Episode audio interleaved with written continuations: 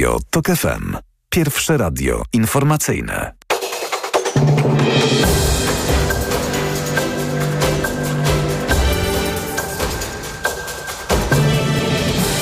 11.40 Marcin Grzebielucha. Jutro w niedzielę odbędzie się 45. maraton warszawski. Na kierowców i pasażerów komunikacji miejskiej czekają utrudnienia. Maratończycy na trasę wyruszą o 9 rano sprzed Pałacu Kultury i Nauki. Pobiegną przez Pragę i Wolę na Bemowo Młocinę i stamtąd wrócą do centrum. Były najemnik rosyjskiej grupy Wagnera Andrzej Miedwiediew, który w styczniu wystąpił o azyl w Norwegii. Został zatrzymany podczas próby przekroczenia granicy norwesko-rosyjskiej. 27-latek jest w rękach służb. Funkcjonariusze policji użyli armatki wodnej, aby usunąć aktywistów klimatycznych blokujących po raz 15 autostradę A12 w Hadze. Więcej w informacjach o 16. Radio TOK FM. Pierwsze radio informacyjne. Twój problem, moja sprawa. Tego programu Państwo w tej chwili słuchacie. Ja się nazywam Anna Gmiterek-Zabłocka i jestem dziennikarką z Lublina, prowadzącą program właśnie teraz dla Państwa. Proszę Państwa, yy, chciałam zaprosić na rozmowę dotyczącą dyskryminacji. Dyskryminacji przedstawicieli społeczności romskiej. To jest tak, że do Polski w obliczu wojny z Ukrainy przyjechała duża grupa właśnie społeczności romskiej z Ukrainy. Między innymi były to wielopokoleniowe romskie rodziny, które przyjechały do Przemyśla. I właśnie Przemyśl stał się takim miejscem, w którym ta grupa była najbardziej liczna. Zresztą do tej pory y, duża część z nich właśnie w Przemyślu mieszka. I to, z czym się spotkali, jest bardzo, bardzo trudne i bardzo przykre jednocześnie. Zapraszam na tę rozmowę. Twój problem, moja sprawa. Joanna Talewicz-Kwiatkowska, prezeska Fundacji W Stronę Dialogu. No właśnie, rozmawiamy o społeczności romskiej w Polsce, ale również o społeczności romskiej z Ukrainy, która w obliczu wojny do nas trafiła. Pamiętam nasze rozmowy na początku, gdy otwieraliście wasze centrum dla tej społeczności tutaj w Warszawie, ale pamiętam również Przemyśl, gdzie społeczność y, romska była bardzo źle traktowana w kontekście pomocowym, a w zasadzie tej pomocy brakowało. Y, Jakie obrazy z Panią zostały z tego pierwszego czasu pomagania w kontekście wybuchu wojny i jak to się zmieniło? Te obrazy nie są pozytywne. Tak? Ja, ja nigdy nie zapomnę dzieci, które w grudniu spały na dworcu w Przemyślu, e, na podłodze. E, temperatura była bardzo niska. Nie zapomnę e, nocy przed ośrodkami w Modlinie czy w, Nadaż, w Nadarzynie pod Warszawą. Mówię o ośrodkach takiego zbiorowego zakwaterowania, do którego nie, zos- nie zostały wpuszczone kobiety romskie z dziećmi. Takich sytuacji było, było mnóstwo i te obrazy no, naturalnie ze mną zostały, ale trzeba też pamiętać o tym, że wiele dobrego udało nam się zrobić, tak? E, Natomiast no, udało nam się zrobić dzięki naszej determinacji, aktywności ludzi, którzy z nami działają, osób, które nam pomagają. I wciąż jeszcze wiele wyzwań przed nami, bo tak naprawdę bez decyzji, nie wiem, rządu polskiego, bez jakichś rozwiązań, które pomogą nam e, w tym, aby jakoś te osoby, które tutaj mieszkają w Ukrainie, nie wiem, jakoś włączyły się w ten nurt życia społecznego, choćby przez szkołę, przez znalezienie pracy, ale, ale też przez dach nad głową. Sami nie jesteśmy w stanie tego zrobić. Do tego potrzebne już są instytucje państwowe, które w moim przekonaniu są bierne e, i to, co udało się do tej pory zrobić, aczkolwiek też e, nie do końca skutecznie, to implementować prawo, które e, mówi o tym, że osoby uchodźcze powinny płacić, te, które znajdują się w najtrudniejszej sytuacji. Pytanie, co to znaczy najtrudniejsza sytuacja, czy trudna sytuacja, jak to już są i tak osoby z doświadczeniem uchodźstwa.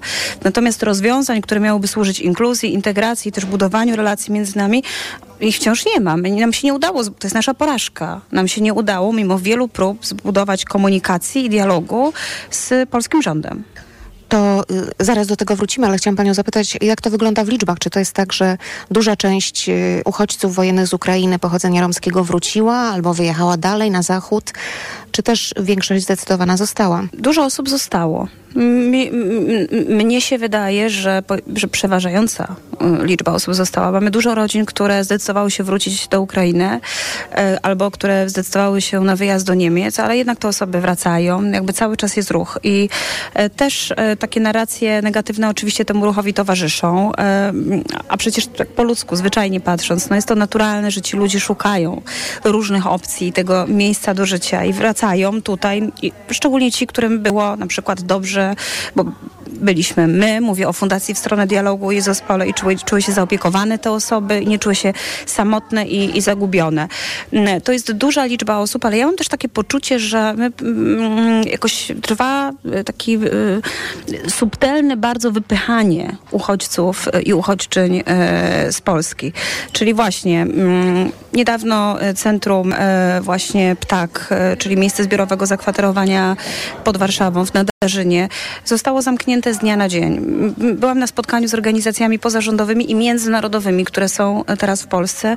Nikt nie wiedział o tym, że takie plany są. Przecież tam byli ludzie, którzy też zostali zaskoczeni tą decyzją. My próbowaliśmy pracować i wspierać społeczność romską w Nadarzynie. Tam mieszkali najsłabsi z najsłabszych. E, I e, cały czas powtarzaliśmy to, że jesteśmy gotowi do tego, żeby wspierać instytucje e, państwowe. Nie byliśmy tam nawet wpuszczani. Pracowaliśmy w pobliskim McDonaldzie z tymi osobami po to, żeby je wesprzeć, nie wiem, żeby zachęcić je do uczestniczenia na język polski. No to jest po prostu praca od podstaw z tą społecznością, która już przed wojną była dotknięta problemem wykluczenia i dyskryminacji. Natomiast e, ten dialog nie miał miejsca i zapanował bardzo wielki chaos. Na skutek tego chaosu co się stało? Część osób wróciła do Ukrainy. Z wieloma rodzinami mamy kontakt, z częścią nie mamy żadnego kontaktu. Część osób wyjechała do różnych ośrodków w Polsce, tam gdzie udało nam się znaleźć im miejsce. Tak jak mówię, byliśmy zaskoczeni. Dostaliśmy telefon i działaliśmy po prostu nagle, bez żadnego przygotowania. Mm, y, y, A część osób po prostu y, no, na własną rękę mm, szuka miejsca. Nie wiem, gdzie te osoby są. To wszystko, co udało nam się dotąd zrobić z nimi, no po prostu zostało zaprzepaszczone. Co więcej, martwimy się, gdzie te osoby są. Martwimy się też, że będą e, szukać jakichś pustostanów, miejsc, w których prowizorycznie e, będą próbowały stworzyć sobie miejsce do, do życia i do mieszkania, bo na pewno nie czują się bezpiecznie w miejscach e, zakwaterowania, takich jak Nadarzyn. Mówiła Pani na, przy okazji spotkania w Fundacji Batorego o tym, że bardzo ciężko jest y, przedstawicielom społeczności romskiej znaleźć mieszkanie, że macie pieniądze na to, by jednej z rodzin takie mieszkanie wynająć, no ale To jest koszmar. Muszę to powiedzieć e, i użyję mocnego, użyłam mocnego słowa, ale nie bez powodu, naprawdę. Nigdy nie sądziłam, że doczekam takiego momentu, w którym wprost, w twarz będzie, e, będzie się mówić, że nie wynajmiemy tej rodzinie, ponieważ to są osoby romskiego pochodzenia. Nie wynajmujemy Romów, wynajmiemy białej rodzinie. To też ostatnio usłyszeliśmy.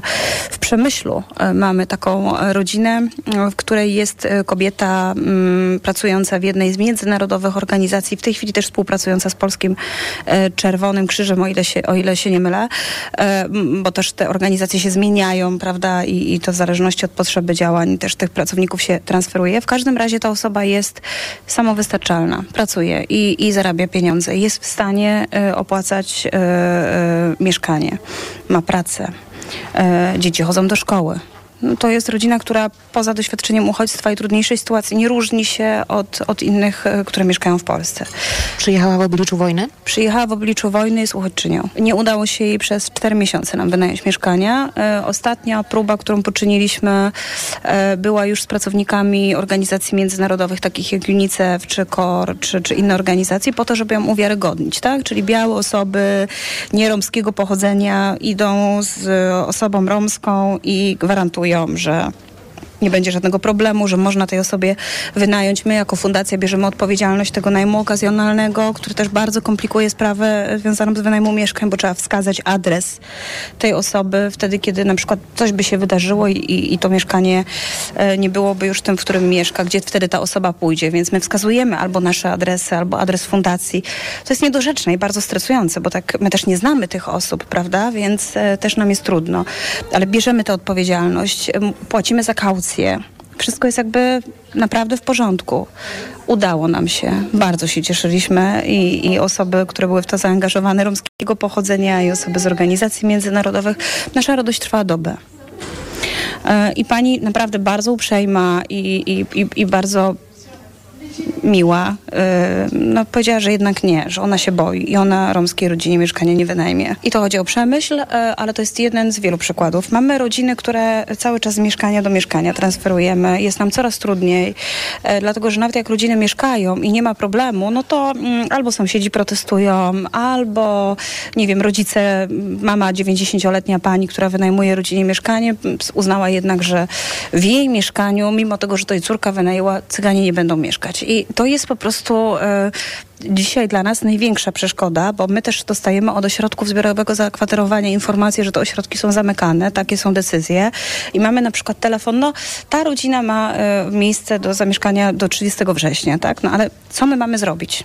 Co my mamy zrobić? My doprowadzimy do sytuacji, w której po prostu setki ludzi będą w kryzysie bezdomności, bo my nie jesteśmy w stanie przebić tego muru, który związany jest z, jakąś taką siłą uprzedzeń i, i, i, stereotypów na temat Romów, bo tu nie chodzi o kwestię finansową, jakiegoś niedostosowania. Tak jak mówię, to są rodziny, które niczym się nie różnią od rodziny pani czy mojej.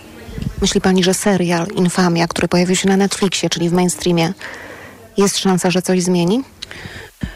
Mam ogromną nadzieję. Na pewno um, tego typu produkcje y, w tak popularnym serwisie, jakim jest streamingowym, jak jest Netflix, y, powodują, że my stajemy się ludźmi, którzy, jak się okazuje, mają uczucia, dusze, emocje, te same rozterki, E, ja widzę to, jak osoby, z którymi nigdy w życiu na ten temat nie rozmawiałam, które, które gdzieś tam są poza tą moją e, prawo człowieczą, romską e, bańką, mówią, słuchaj, ja nie miałam o tym zielonego pojęcia, nie miałam o tym zielonego pojęcia, z czym się te dzieciaki mierzą w szkole, z czym one idą przez życie, tak?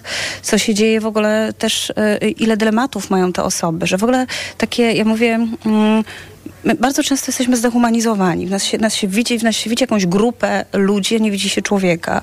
I mi się wydaje, że ten serial nadaje nam ludzką twarz. E, z tej dehumanizacji po prostu jakoś widać tego drugiego człowieka. I ja w tym widzę ogromny potencjał i szansę. Na jak długo nie wiem, bo przecież jak sobie pomyślimy o tym, że są, nie wiem, romskie festiwale muzyczne i też wszyscy się na nich bawią i po prostu jedna wielka rodzina, a potem, prawda, życie toczy się dalej. Więc e, sądzę, że na pewno rozpuści część betonu ten serial i pokaże jakby też naszą perspektywę, która, która jest bardzo często niewidoczna, niezauważana e, właśnie w takiej sferze obojętności i niewidzialności. Nie sądzę, żeby to doprowadziło do trwałych zmian. Tutaj potrzeba jeszcze więcej pracy. To jest tak, że pani przy tym serialu pracowała. To była trudna praca, trudne y, dylematy moralne, co w tym serialu umieścić, czego nie? Bardzo trudne. Ja byłam e, konsultantką, zajmowałam się opieką w ogóle e, wszystkimi tematami, osobami romskimi, które zagrały tam e, rolę i stanowiły chyba większość obsady w ogóle w serialu. Część zdjęć kręcona w wiosce, w takiej osadzie romskiej, dotknięte problemem ubóstwa i wykluczenia i niemalże stuprocentowego bezrobocia Maszkowice na, na, na, na południu Polski. Ja rozmawiałam z osobami też ze społeczności, które nie wierzyły że tam można cokolwiek zrobić, że przecież te osoby, no oni nie, oni nie mają zbyt wielu kontaktów z osobami romskimi, nie dadzą rady, nie są przyzwyczajeni do pracy i tak dalej. Się okazało się, że to był najpiękniejszy czas, e, ale też bardzo stresujący naturalnie, no bo, bo, bo, bo też nie wiedziałam, co z tego wszystkiego wyjdzie. Udało się. E, ja budow- starałam się zbudować most, tak, po to, żeby y, y, obie strony mogły się zrozumieć i wydaje mi się, że bez tego zrozumienia, ale też bez zbudowania relacji, którą y, jestem przekonana uda udało się zbudować. My się już też spotykaliśmy przed tym, zanim weszliśmy na plan. Aktorzy romscy, dzisiaj już ich nazywam aktorami, aktorkami, ale opowiadali nieromskim o tym, o różnych historiach. To nie było tak, że opowiemy wam, jak jest u Romów, bo jest, my jesteśmy bardzo różnorodną grupą. To było dzielenie się historiami, e, siedzenie do rana, czasami w, byliśmy w różnych rozmowach, e, w, w emocjach i tak dalej. Z kolei nieromscy aktorzy wspierali Romów tych takich właśnie umiejętnościach związanych z pracą przed kamerą. E, zawiązały się prawdziwe przyjaźni, prawdziwe relacje, więc e, e, to na pewno daje temu serialowi siłę, którą widzimy na ekranie. Natomiast oczywiście, że to było stresujące, tak? No, mieliśmy, musieliśmy zrobić serial, a, a ten most właśnie i takie mury związane z nieznajomością, też niepewnością po obu stronach, no, no, ciężko przebić w tak krótkim e, czasie. Też stresowały mnie różne wątki. Ja konsultowałam też e, scenariusz, jak to będzie, że dotykamy tylu stereotypów, że możemy jeszcze je utrwalić. W którymś momencie tak sobie pomyślałam, czy my jeszcze możemy je bardziej utrwalić, a może to jest szansa, żeby się z nimi zderzyć, żeby pokazać, żeby dać jednak siłę temu serialowi w postaci autentyczności, takiej siły przekazu i trochę o tych stereotypach pogadać, trochę pokazać, do czego one doprowadzają, gdzie są tutaj te dylematy i emocje, które które są z tym związane. Więc, ale oczywiście tak, ja myślę, że to był jeden z moich projektów życia. E, lubię iść pod prąd, lubię wchodzić też w, nie, w nieznane e, rejony, które też wymagają ode mnie mm, nieco więcej, ale przyznam, że to też było bardzo, bardzo, bardzo stresujące. Bałam się odbioru nie tylko ze strony nieromskiej społeczności, ale też własnego środowiska. I jaki jest ten odbiór po stronie romskiej społeczności? Bardzo różne, bardzo różne. E, jestem bardzo pozytywnie zaskoczona tyloma głosami i historiami, wiadomościami, które dostaję od kobiet romskich i nie tylko, ale też od osób queerowych, na przykład ze społeczności romskiej z całego świata.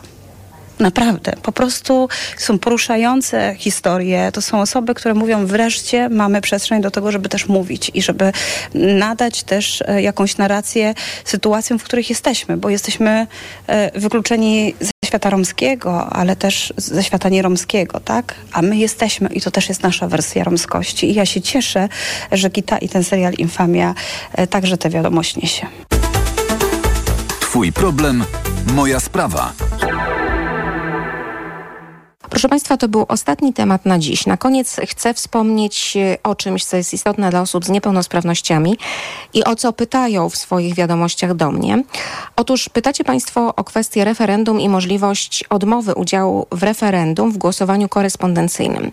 Jak ustaliłam, nie można zrezygnować z karty do referendum, ponieważ pakiet wyborczy jest pewną całością opisaną w przepisach. Natomiast, jak przekazało mi Krajowe Biuro Wyborcze, można można nie odesłać albo w ogóle wszystkich kart, które dostaniemy do głosowania korespondencyjnego, albo nie odesłać karty właśnie referendalnej. I wtedy nie jest to liczone do frekwencji, ponieważ do frekwencji w przypadku referendum liczą się tylko głosy ważne, które znajdą się w urnie. Dlatego właśnie taka formuła jest możliwa. Nie odsyłanie karty referendalnej. Tyle u mnie. Ja już dziękuję za uwagę i mówię do usłyszenia, a słyszymy się oczywiście za tydzień o tej samej porze. A już teraz w Radiu Tok FM informacje i najświeższe newsy z kraju i ze świata. Twój problem, moja sprawa.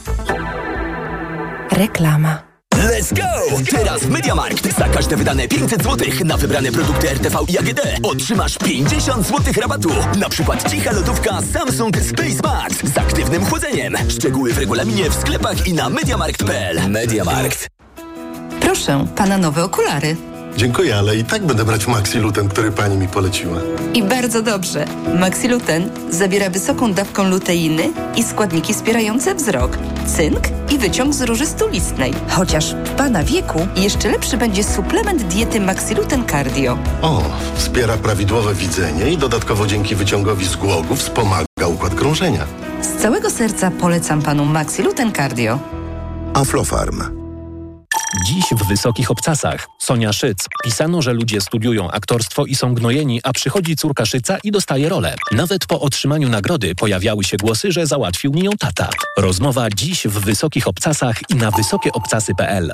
Na odporność od dawna stosowałem witaminę C w dawce 1000 mg, a teraz zmieniłem swój produkt na Rutina C Max C1000. Nie zmieniłem dawki witaminy C, ale wzmocniłem orutozyt i uznane składniki wspomagające odporność. Suplement diety Rutina C Max C1000 w jednej tabletce zawiera aż 1000 mg witaminy C, a do tego rutozyt i sprawdzone substancje wspierające odporność, cynk, selen i witaminę D3. Rutina C Max C1000 to połączenie dwóch świetnych sposobów na odporność. Rutina C Max C1000. Odporność na potęgę. Aflofarm.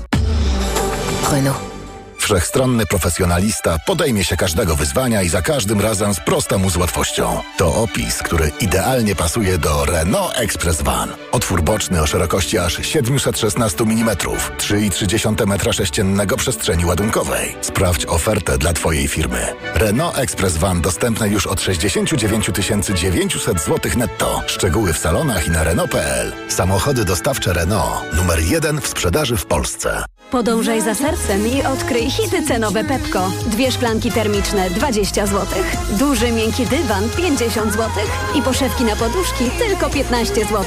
Odkryj nasze słynne niskie ceny. Pepko, poczuj jakość, pokochaj cenę. Kiedy mój Tadzio zaczyna chorować, nie czekam aż infekcja się rozwinie. Od razu sięgam po odpowiedni lek. Wybieram Lipomal. Syrop z wyciągiem z lipy przeznaczony do stosowania w pierwszej fazie infekcji. Lipomal to sprawdzone rozwiązanie, które wspomaga w stanach gorączkowych, przeziębieniu i kaszlu. Syrop 97 mg na 5 ml. Wyciąg suchy z lipy napotnie w stanach gorączkowych. Przeciwwskazania. Nadwrażliwość na którąkolwiek substancję produktu. Aflofarm. Przed użyciem zapoznaj się z treścią ulotki dołączonej do opakowania, bądź skonsultuj się z lekarzem lub farmaceutą, gdyż każdy lek niewłaściwie stosowany zagraża Twojemu życiu lub zdrowiu.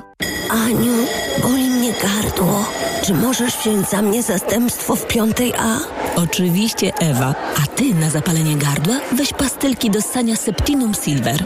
Wyrób medyczny Septinum Silver dzięki zawartości nanosrebra wspomaga leczenie infekcji bakteryjnych i wirusowych gardła. Łagodzi ból, chroni i nawilża gardło. Septinum Silver. Pierwsza pomoc przy bólu gardła. Dostępny także w sprayu. Producent oraz podmiot prowadzący reklamę Zdrowit. To jest wyrób medyczny. Używaj go zgodnie z instrukcją